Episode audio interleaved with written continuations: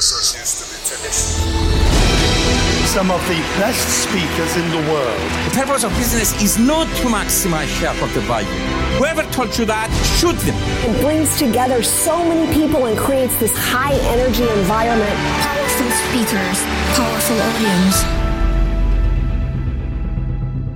Velkommen til OBF-poddens spesialintervju og samtale med to prisbelønte unge ledere som i fjor fikk årets salgsleder og årets ledertalent i E24s kåring.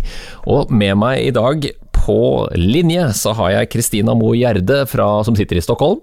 I Voi, velkommen. Takk skal du ha. Og på den helt andre siden, på vestkysten i Amerika, så sitter Jonas Jafari tidlig på morgenen i Venice Beach, som jobber som global manager hos Google, Search, Trust and Safety. God morgen og velkommen. Tusen takk. Vi skal gå rett på noe litt spennende, fordi at dere er relativt unge. Dere har jo bikka 30, men det er en ung alder til å være ledere i de rollene dere har. Så kan jeg ikke få høre litt, Kristina, litt hvem du er, og litt om det å være ung leder i Voi. Ja, starte, starte med litt hvem jeg er. Kristina, eh, 32 år, fra Bergen, eh, men befinner meg nå i Stockholm. Jeg føler liksom det å ha flyttet til Stockholm og ut av landet er liksom litt mer greit enn det å som bergenser flytte til Oslo, så jeg har fått eh, tommel opp eh, hjemmefra. Jeg har bodd i Stockholm nå i, i fire år, eh, jobbet innenfor tech, eh, og vi er hos Voi nå i ja, litt over tre og et halvt år. Har det fantastisk gøy veldig moro. Eh, og jeg er så heldig å få lede vårt nordiske marked. Eh, og så får jeg en ny rolle i morgen, så da tar jeg også over Benelux. Så det blir eh, riktig, riktig gøy. Så får jeg opp den fransken som jeg hadde tilbake på ungdomsskolen. Se hvor det går. ja, For der snakker de fransk, det gjør de selvfølgelig. Ja, miks av, av forskjellig, så jeg tror det, ja. men jeg tror det er den veien jeg skal gå. Alle, alle skjønner bergensk hvis du bare snakker fort nok. Syns du det her var fort? Vi kommer i gang. Tusen takk, Kristina. Og Jonas, hvem er du? Yes, jeg er Jonas. Født og oppvokst på Ski, og jeg, alltid, jeg nevner alltid Ski, for jeg er veldig stolt av Ski, som er en liten, liten by utenfor Oslo, for de som ikke vet det. Så jeg nevner alltid det først. Født og oppvokst på Ski, veldig stolt av det. Og de siste fem-seks årene så har jeg jobba for Google. Jeg har vært tidligere jobba for Google i Irland, og nå er jeg i drømmelokasjonen min, som er Sør-California i, i, i, sola. Så nå jobber jeg innenfor, innenfor trust and safety. Da. og Hvis jeg bare skal forklare veldig kort egentlig om, om hva vi gjør, så handler det om at mitt team er egentlig ansvarlig for at det skal være trygt å bruke Google søk, og at brukere skal ha tillit til Google søk. Det handler om egentlig alt fra desinformasjon eh, til, eh, til, andre områder på, på, på, søk, at de ikke ønsker å vise noe som er, er, farlig. Så jeg må innrømme at jeg elsker jobben min. Jeg får kjørt meg. Det er, tøff, det er en tøff hverdag. Og det er veldig mye, mye spennende vi jobber med, men jeg er veldig, veldig glad i, i det jeg driver med. Spennende. Og dere begge to er ikke klar over det, men dere har jo en fanklubb hos eh, Oslo Business Forum som syns jo at det, de, de, disse to menneskene her, de skulle vi gjerne hatt eh, podkastepisode om. Og ergo, vi har en podkastepisode, og dere vil alltid være velkommen til å stikke innom når som helst for å snakke med beundrerne deres i, i teamet. Og det, det de beundrer dere for, er jo nettopp det at dere har delt, og dere har vært synlige, og så er dere jo rollemodeller for den generasjonen som jo er disse unge ledertalentene. Og det var jo det jeg skulle spørre deg om. ikke sant, Kristina? Når du fikk årets ledertalent fra E24, så blir det bl.a. skrevet at du har en unik evne til å motivere og bygge lag. Skriver de jo, og ja. veldig hyggelig. Ja. Men fortell litt om hvordan du gjør dette. Hvordan jobber du som ung leder? Ja, nå, nå, skal det først og fremst sies at jeg kommer nok ikke med en fasit eh, som, som verken fungerer for alle eller i alle selskaper og alle bransjer, men eh, det som i hvert fall har fungert veldig bra for oss, er å 100 eh, se folk som den, den, viktigste ressursen, uavhengig av hvilken bransje du er i. Uavhengig om det, det, er tech, eller om det er fysiske produkter, eller om det er brick and mortar. Det er folk, folk først. Um, og så tror jeg at uh, hvert for selv så har jeg uh, forstått uh, endelig, vil jeg si, for jeg tror ikke det var så klinkende klart helt i starten, hvor viktig det ansvaret du faktisk har er i forhold til at du skal lede business, du skal lede folk, men du skal også lede deg selv. Eh, og jeg tror magien skjer er når du på en måte anerkjenner de, de tre sammen. da. Jeg tror eh, Helt i starten av eh, min, min, lederkarriere, som fortsatt er ganske ny og ung, så forsto jeg ikke hvor viktig det var å, å lede seg sjøl opp i det hele. Og jeg tror eh, det er vanskelig å skulle motivere, engasjere og få med deg folk og tenke klart hvis du ikke klarer å lede deg sjøl. Um, så jeg tror det er en av de viktigste læringene jeg har gjort de, de siste par årene. Og så hvert fall når du bygger, bygger selskap som, som, vi har gjort. Eh, når jeg startet så var vi 70 stykker, og nå er vi litt over 1000. Så handler det om å få de riktige menneskene eh, på plass til riktig tid. Eh, det er alfa og omega. Tusen takk, og jeg blir litt nysgjerrig, bare følg deg opp på det. Hvordan spesifikt, eh, eller hva gjør du for å lede deg selv? Er det planlegging på, i dagboken, eller er det mer sånn, eh, hva er det for noe? Jeg, jeg tror det er, det er for, for, min del så handler det om å få tid og, og mindspace til å, til å reflektere. Eh, reflektere på hvor vi står, hvor vi skal, reflektere på performance. Reflektere på hvilke, hvilke trender og hvilke muligheter og trusler ser vi så eksternt. Eh, og så er det å reflektere på, på, på team. Reflektere på uh, hvordan, uh, hvordan, folk har det, hvordan det går. Og fange opp de tingene som man ikke nødvendigvis fanger opp liksom, i en hektisk hverdag, når man bare sjekker inn og, og ser og følger med på OKR-ene og følger med på performancen. Men rett og slett zoome ut og, og, og se det større bildet. Eh, og så òg reflektere på liksom den, den, den, impacten eh, man sjøl har på, på andre. Eh, man har ja, man har et stort ansvar som, som leder. Sånn. Den, den attituden du kommer med på jobb, den, den, smitter over, og den setter på en måte lista for, for hvordan opplevelsen til folk er. Um, så ja, finne rom til det. Jeg blir veldig glad når jeg hører dette med refleksjon. Som gammel uh, foreleser og lærer som jeg er av legning, så vet jeg at du kan få informasjonen fra lærebøker eller YouTube-videoer eller podkaster, men det er når du selv tenker gjennom det, hvordan du kan bruke det i din egen rolle eller ditt eget arbeid, det er da du gjør det til et verktøy. Da. Så den refleksjonen, tusen takk, veldig enig. Jonas, vil du følge opp eller utdype, eller er du bare helt enig med Kristina? Jeg er absolutt enig i mye der, men jeg kan fortelle litt fra, eh, fra mitt perspektiv òg. Det må være ung leder. Det er en sånn blanding av at det er utrolig kult, selvfølgelig, men så er det også sånn, jeg føler jo veldig mye ansvar. For jeg må jo være ærlig og si det at når man tenker på fremtiden Jeg er jo en kjempeoptimist, som jeg har sagt en del i, i intervjuer og sånt, og det er jeg fortsatt. Men jeg vet også at fremtiden er jo eh, den er tøff, den er usikker. Og da føler jeg altså på et sånt ansvar som ung leder, da, at det er på en måte vi som skal skal, skal, bygge selskaper, og det er vi som skal ikke nødvendigvis ordne opp i alt, men det er vi som skal gjennom der. Så man kjenner et sånt, jeg vil kalle det et press eller et ansvar, som selvfølgelig gjør at jobben blir en, enda bedre også. Så tror jeg det er det med at jeg er veldig opptatt av å minne meg selv på at jeg vet at jeg ikke har så altfor lang ledererfaring.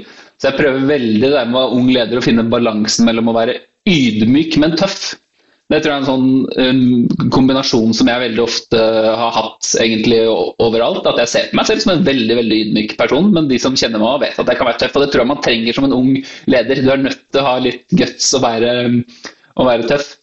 Så tror jeg uh, siste jeg kanskje kan si, er veldig mye man kan si selvfølgelig om, om å være ung, ung, leder, men det siste uh, poenget jeg ønsker å, å nevne, er det at når man er ung leder, og det handler egentlig også om hvis man er eh, en eldre leder i dag, men bare om et par år så kommer jo arbeids, eh, the workforce til å være uh, nesten bare millennials, ikke sant? eller 70-80% millennials.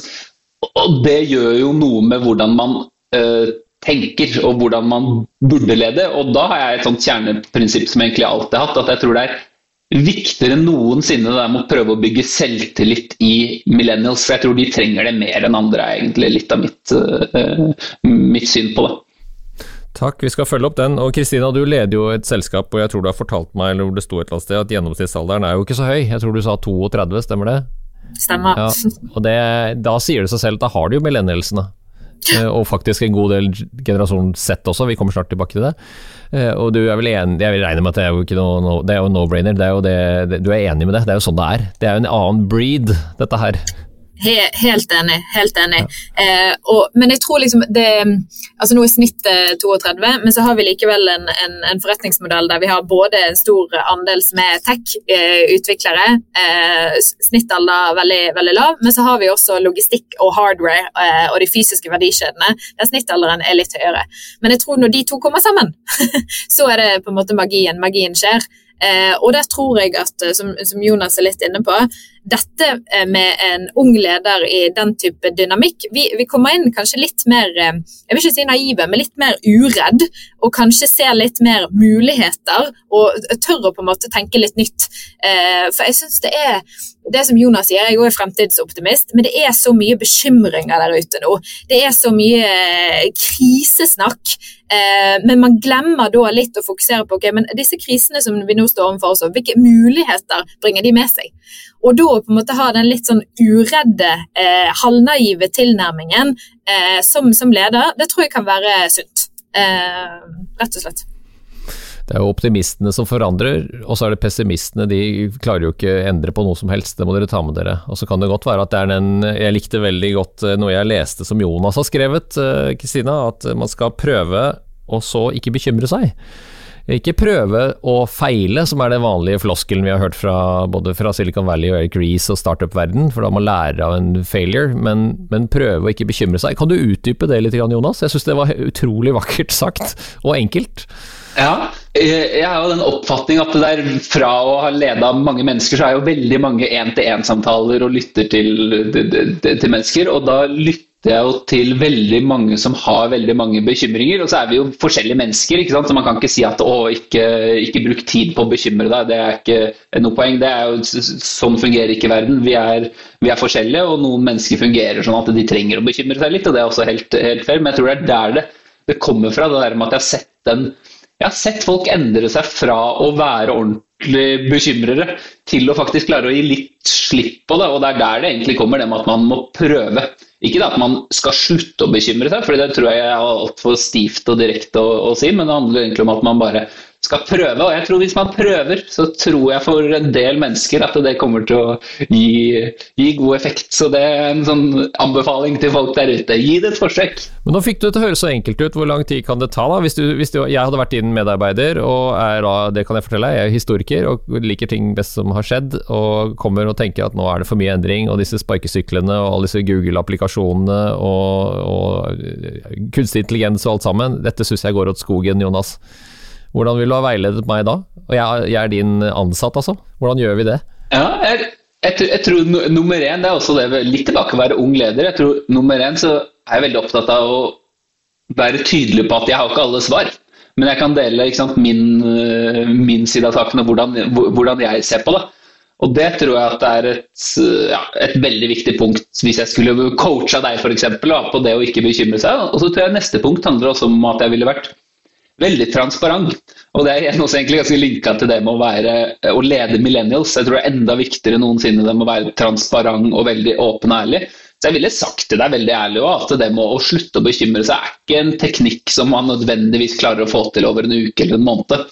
Men jeg ville prøvd og kanskje hjulpet deg da, å sette litt i perspektiv. og Det er noe som jeg fortsatt sier til alle mennesker jeg leder veldig ofte, og det er den samtalen med er du rundt 30 år i dag, så kommer du til å jobbe 45 år til cirka. Tenk det, da har du kanskje jobba syv år i livet ditt, eller et eller annet sånt, og du skal jobbe 45 til du har jobba syv. Og bare om vi kan jobbe litt med det å bekymre seg litt mindre, kanskje om det tar til to år, fem år, syv år, hva enn. Men det kommer til å gi deg så mye glede de siste la oss si 35 årene du jobber, f.eks. Så det er én måte jeg ville prøvd å hatt en god samtale med deg om det på. Tusen takk. Og det harmonerer veldig med det du snakker om, Kristina. Å zoome ut, det, det Jonas nå snakker om. Er ikke det riktig?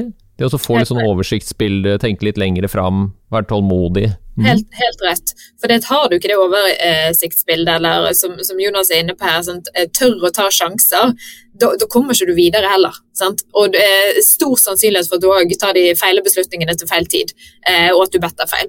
Og med så raskt som denne utviklingen går akkurat nå, eh, så er det en av de største feilene jeg tror du kan gjøre, eh, også som leder.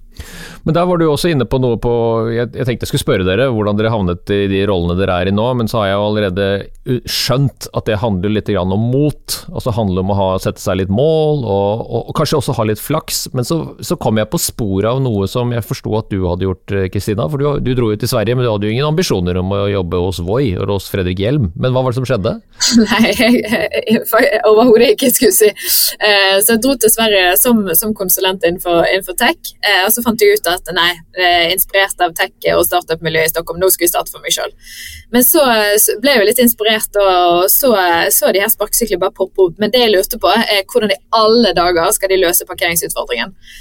Og så sendte jeg en LinkedIn-melding til eh, Fredrik Hjelm, som er grunnlegger av Voi. Eh, jeg fikk raskt svar. Nei, det er et godt spørsmål. Vil du komme og ta en kaffe? Eh, og det var starten. Så hadde vi en tre timers lang diskusjon om parkering. Um, og så fortalte jeg Fredrik om eh, selskapet jeg skulle starte. Så sa han Kristina, Kristina, nordmenn kan ikke skalere selskaper. Så eh, kom her og lær. så, ja, det er vakkert. Jeg, men jeg blir så glad når jeg hører dette, for jeg har i årevis sagt det til unge mennesker at hvis de er nysgjerrig eh, på noe og har litt kunnskap, og timingen er riktig, for det må jo være det at den de stiller det spørsmålet til, hvis det er et adekvat spørsmål, så er sannsynligheten for at det leder til noe, den er ganske stor. Så blir, Det er en vakker historie, du må love meg å fortelle den, særlig hvis du blir invitert tilbake til Bergen på NHH for å snakke om hvordan skal jeg gjøre karriere i en fart, for det er det ganske mange unge mennesker som lurer på, så da må du si det der. Eh, Jonas, noe lignende historie? Å være nysgjerrig, ja. være litt frampå? Ja, absolutt. Jeg har jo det, det, tror jeg egentlig aldri delt i det offentlige rom tidligere, men jeg har en sånn egenskap med meg, ved meg selv som, jeg, som, hjelper meg veldig, da, som jeg tror er noe unik. og det er at jeg, jeg har egentlig ikke det, den egenskapen å på en måte rødme og bli ordentlig flau. Og det er en sånn egenskap som har hjulpet meg en del, og det er jo mye, mange kamerater og sånt som jeg kan ha mye moro med, fordi de blir jo, blir jo litt flaue. Så det er selvfølgelig én ting som har, har, har, hjulpet meg, men for å være litt mer konkret da, på én ting som virkelig var en uh, positiv endring i, i, livet mitt, var det med at jeg turte å ta det steget og flytte fra det jeg på den eh, tiden syntes var tidenes jobb. Jeg jobba som konsulent i Kompetas og virkelig med hånda på hjertet. Jeg hadde det så ufattelig bra. Jeg hadde en karriereprogresjon som var kjempebra. Og det å på en måte ha guts nok til å dra fra noe sånt, og dra til noe ukjent i Sveits som kosta altfor mye penger, så man tar opp sant, Lånekassa og lånte litt av pappa og sant, alle de tingene der, så er det noe som jeg på en måte vil uh, også anbefale folk å i hvert fall tenke gjennom og, og vurdere, fordi vi er jo så privilegerte i, i, Norge at vi har muligheten til å på en måte ta litt, uh, ta litt, risiko, ta litt sjanser, sånn som jeg gjorde da. og Det går ikke alltid uh, bra, men uh, som oftest så, så, går det bra. Man lærer noe av det uansett, og det tror jeg kanskje er det absolutt viktigste. Ja, For du var hos IMD du i Lausanne et år? Yes, helt, helt korrekt. Business Administration. Det er jo noen mener jo at disse inngangsbillettene på masterne på internasjonale, velrenommerte skoler fortsatt gjelder, hvis ikke man har et nettverk som man kommer inn, men, men, kanskje det er litt annerledes i altså Google er jo et internasjonalt, kanskje en av de mest kjente merkevarene som fins. Så det henger jo høyt for veldig mange, både tech- og businessfolk, å få muligheten til å jobbe der. Det an, er, det, er, det, annerledes enn det du så for deg når du ruslet rundt i Lausanne? Du har jo sagt at det var en guttedrøm. Men er det, nå er du på innsiden, du er, i led, du er i en lederposisjon i et av verdens største selskaper. Er det, hvordan er det, Jonas? Er det annerledes enn du tenkte? Eh, det helt ærlige svaret er at eh, en god del er sånn som jeg tenkte, for den eneste referansen man har, er jo egentlig fra filmer og alt mulig sånt. Så mye av den biten uh, er veldig sann, ikke sant. Med kontorene og, og Du fikk sånn internship-lue du òg, ikke sant? Ja. jeg har, har lua. Jeg har den faktisk i et annet, annet rom her hvor jeg sitter sitter på hjemmekontor. Eh, men det som nok er, er, annerledes, og det som jeg tror de fleste også merket en periode, er det at eh, du kommer til et punkt hvor du på en måte tar en pause, og så tenker du ok, nå har jeg vært der et halvt år, du er jo helt nesten blinde av hvor fantastisk og, og nytt og, og, rart alt sammen er. Men så er vi også helt vanlige folk. Og det tror jeg på en måte er den som folk ofte ikke tror. og her har jeg lyst til å si en ting som er en sånn anbefaling til folk i, i Norge. Veldig mange tror at det ikke er mulig å få en jobb i Google. De tenker sånn nei, det er ikke mulig, og spesielt nordmenn.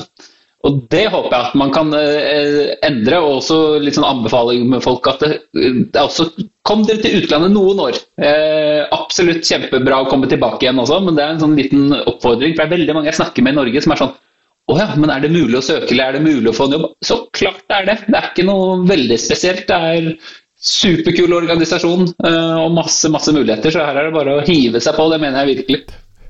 Da fikk vi litt reklame. Ja, Kristina?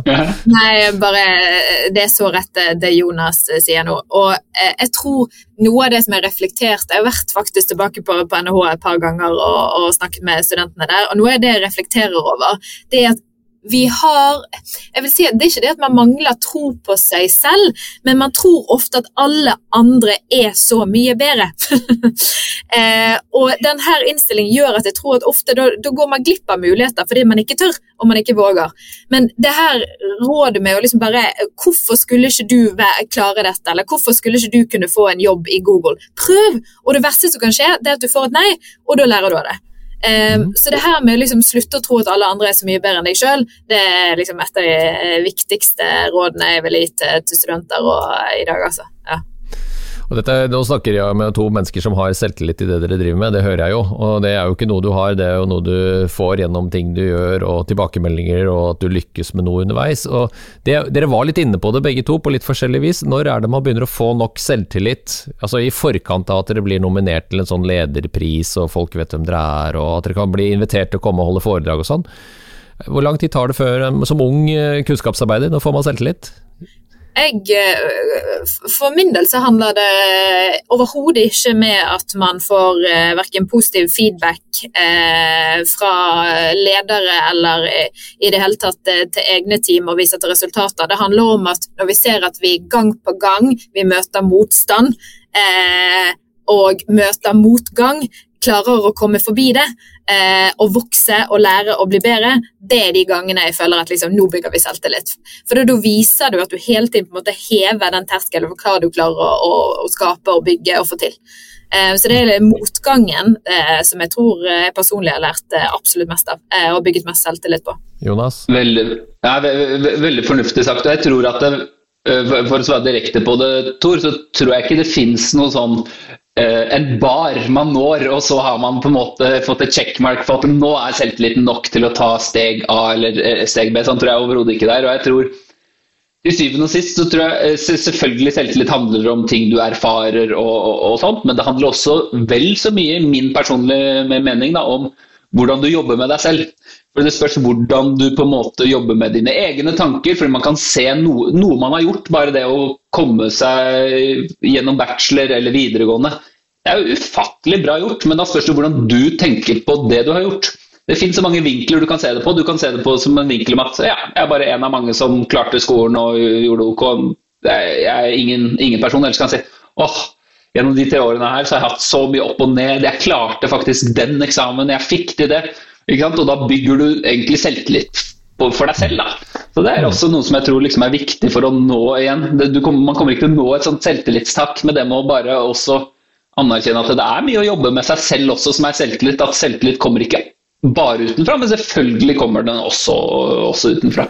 Ja, og det er jo det vi får spille videre på den selvledelsesemnet som Kristina nevner her. Da. Det å ta seg tid som leder, men også som vanlig kunnskapsarbeider. At du må ta deg tid til å reflektere over hvordan løste jeg denne oppgaven, hvordan, hvordan gikk nå egentlig det møtet? Eh, var det jeg som bikka det i positiv eller negativ retning på slutten der, eller hvordan altså Det å ta seg tid til det, er du, er du også like bevisst det, Jonas? Eh, ja, og eh jeg er nok eh, mulig jeg ikke er like flink som Kristina her, men jeg er, jeg, bruker, jeg er bevisst på det. Jeg bruker tid på det. og uh, Nå skal ikke jeg dele hvordan kalenderen min ser ut, men jeg er kjempeflink til å blokke tid i kalenderen min. for Hvis ikke så sitter jeg bare i møter hele dagen og, og folk skal, uh, skal, møte meg. Så jeg er kjempestreng på det. Jeg blokker, og da har jeg to ganger halvtime med refleksjon i, i uka. Ja. To ganger 30 minutter, så er det nesten en, en time hvor jeg blokker. Og da er det nesten uansett hva som skjer, hvilket som helst møte så har jeg ingenting da. Og jeg sier ikke at jeg sitter i 30 minutter og reflekterer fra første sekund til du slår 30 minutter, men jeg setter av den tiden for å i hvert fall bruke noe tid på det, og kanskje jeg går meg en liten tur eller et eller annet, men jeg gjør det faktisk, for jeg er også en disiplinert type. da. Men det tror jeg er veldig viktig. Det er noe som fungerer for meg, fordi jeg er ikke flink nok til å reflektere eh, kontinuerlig gjennom uka. Så det er en, måte, en teknikk jeg bruker, i hvert fall. Da, da, men du sier at du reflekterer gjennom å distansere deg fra mail og mobil, så du er alene med tankene dine? Det er det du sier? Helt, helt korrekt. Bare at jeg sørger for at jeg ikke blir forstyrra nå. For det er så lett å starte å reflektere, og så blir du dratt inn i noe annet. Og så mhm. får du ikke egentlig jobba nok med deg selv og får ikke reflektert på et riktig, riktig nivå. da. Kristina, ligner det på det du gjør? Er du så disiplinert at du legger inn to ganger 30 minutter i uka, kanskje mer? Nei, Um, Overhodet ikke. Uh, og det er fordi at jeg, jeg tror jeg uh, vel så viktig at du kjenner deg sjøl uh, og hva som fungerer og hvordan, hvordan, du er. Jeg er alt annet enn disiplinert, og jeg må lære meg hvordan jeg skal få til i det hele tatt disiplin i hverdagen for at alt skal, alt skal, gå opp og for at jeg skal gjøre en, en god jobb. Men jeg tror for min del så handler det absolutt om det, det Jonas sier, det her med å altså eie kalenderen sin. da. Eh, og innenfor den kalenderen sin at man får rom til å sørge for at man, man leverer på, på, det man skal, og i det så ligger refleksjon også. Og jeg tror det jeg er blitt bedre til med, med tiden, det er jo det å si nei og operere litt på, liksom, på egne premisser. Eh, og det tror jeg alle, alle er tjent med. Eh, fordi I starten så var det sånn som leder så tenkte jeg at nei, nå skal jeg være tilgjengelig for alle mine ledere til enhver tid. så jeg la opp min kalender eh, i forhold til det som passet de. det som skjer da over tid, er jo at eh, du gjør en dårligere og dårligere jobb. Eh, fordi du klarer ikke å eh, sjøl få tid til det som gjør at du leverer bra. Um, så jeg tror uh, det er mer sånn refleksjon fra, fra, min side med at du kjenner deg sjøl, og du kan da legge opp uh, dagen og legge opp kalenderen din sånn at du sjøl uh, eh, leverer for de rundt deg. Ja, du har sagt noe om det, vet jeg, Jonas. om dette med, Det handler ikke om å jobbe i volum. Altså, det er ikke om å gjøre å jobbe mest men du har sagt noe om at det er noe med kvaliteten på den jobben, og så huske på å ta seg fri. Stemmer ikke det? Er det fritt tolket av Tor her, men er, det, er, jeg på sporet av noe? Nei, du, du er veldig på, veldig på sporet av noe. Jeg, jeg, er veldig opptatt av det å, å jobbe. Det handler ikke nødvendigvis om å jobbe uh, alltid hardt, det handler om å jobbe smart. Selvfølgelig må man, må man også jobbe hardt, men til syvende og sist er det det med å jobbe smart der, som jeg mener er det absolutt viktigste. Og så er jeg personlig veldig opptatt, også en litt sånn lederstil, at det, man er veldig ofte nødt til å ha det godt utenfor jobb også, for å prestere på jobb. Og jeg kan se at Alle menneskene man leder er jo forskjellige, så det er jo ikke alle som nødvendigvis ønsker å dele alt mulig og, og bruke masse tid på det, men jeg legger i hvert fall til rette for at det er det vi alltid starter med. Å snakke om livet utenfor jobb, og om det er noe der. Og jeg deler, det er også det som jeg tror og, og, og som kanskje er litt sånn med generasjonsleder å være en ø, yngre leder. Jeg tror det er enda viktigere nå om dagen. Det må vise at man er litt sårbar og tørre å vise det. For det mener jeg at det passer uh, bedre for millennials som man nå leder flere og flere av. Så det er noe som jeg absolutt uh, gjør selv. Mm, takk. Det er verdens enkleste metodikk som man blir opptatt av jo eldre man blir, i hvert fall har jeg blitt det. Jeg var ikke det når jeg var 30, men jeg ser jo det at de, de, oppgavene jeg gjør repetitivt, og noen ganger er det undervisning, andre ganger er det veiledning, så blir man opptatt av metodikken. Og da er det egentlig verdens enkleste er før, under og etter. Og de, Å sette det litt i system, Kristina, er verdens enkleste ting på en liten notisblokk eller på en liten, noe man skribler litt ned, og så blir man etter hvert liksom på sporet av ok, hva gjorde jeg annerledes nå som gjorde at det fikk et litt annet utfall. Og det, Jeg vet at folk i helsevesenet gjør det litt samme, folk som jobber i utrykningstjenestene gjør disse tingene. Ja. Så det er sånn tips fra meg til dere. Før, under, etter. Veldig enkelt og veldig greit. Men jeg tror som du sier, det her handler om å finne det som fungerer for en. For eh, å kopiere en metode, da tror jeg man eh, Da slutter man like godt som man, fort som man startet. og Det er gøyal bro til eh, neste tema, som blir det siste, for det tror jeg. Eller hvis ikke vi kommer på noe veldig filosofisk på slutten, det kan være at vi zoomer helt ut. Men det er et verktøy som jeg vet dere begge to kjenner på litt forskjellig vis. Det, det er OKR, eller Objective Key Resorts. Results, som er en variant av KPI, som mange i min generasjon har blitt lært opp til, fra konsulentverden og altså det å dokumentere prestasjon, da, eller resultat, mener jeg. Eh, OKR handler jo om å sette mål, og det handler om å liksom sikre framdrift og holde fokus, og egentlig disse, disse tingene litt mer sånn fellesaktige resultater.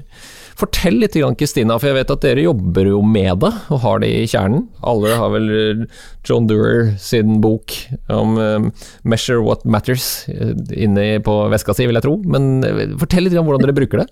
Ja, eh, OKRs nå er, jeg skal bare si, så er en av de som Det, det her er jo en metode eh, og et verktøy, om man kaller det OKRs eller kopier, kan man, kan man diskutere ved en senere anledning. Men eh, vi bruker OKRs.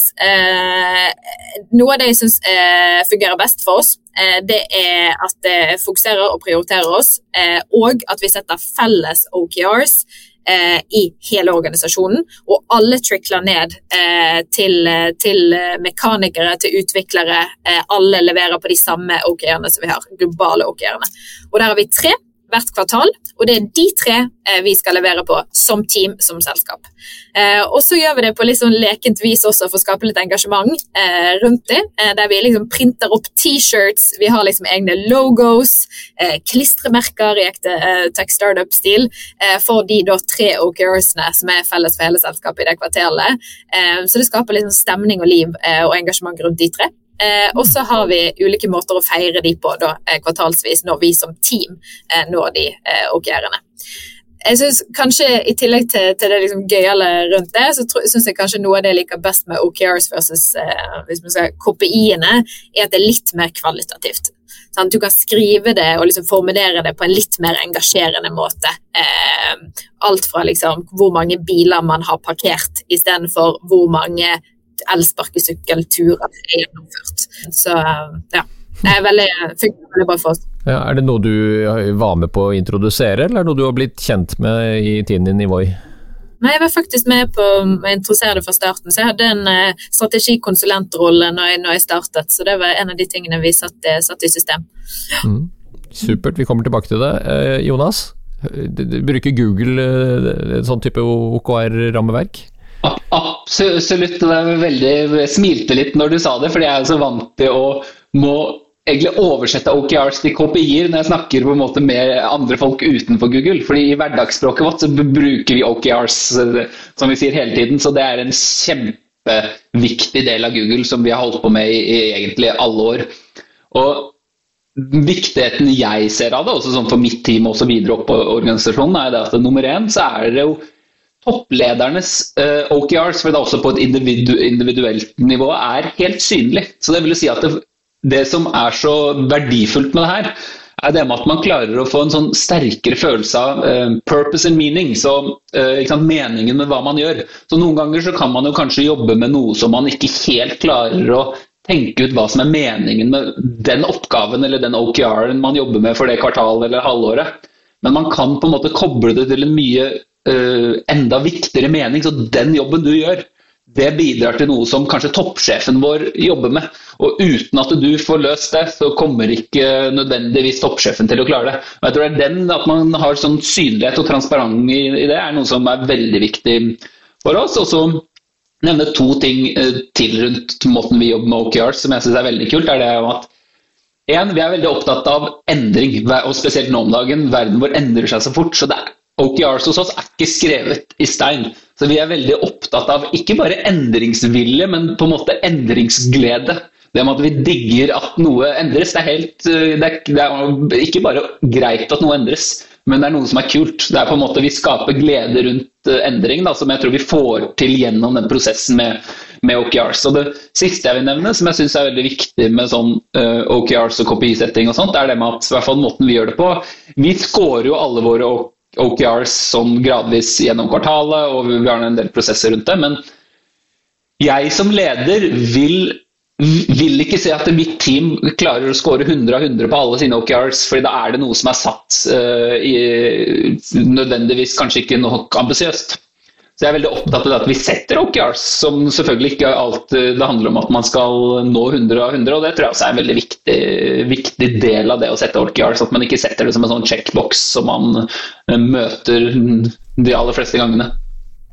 Jeg tror dere begge to har til felles at dere jobber jo det, Du kjenner deg igjen dette, Kristina, for det med endrede omgivelser og ting som er skifter fra en dag til en annen, og det kan være alt mulig rart, vi skal ikke gå inn i det. Men det å håndtere det gjennom OKR-jobbing, vil jo gjøre det litt Jeg vil nesten vil si at du får litt større handlingsrom, gjør du ikke det? Som leder for å sette målet?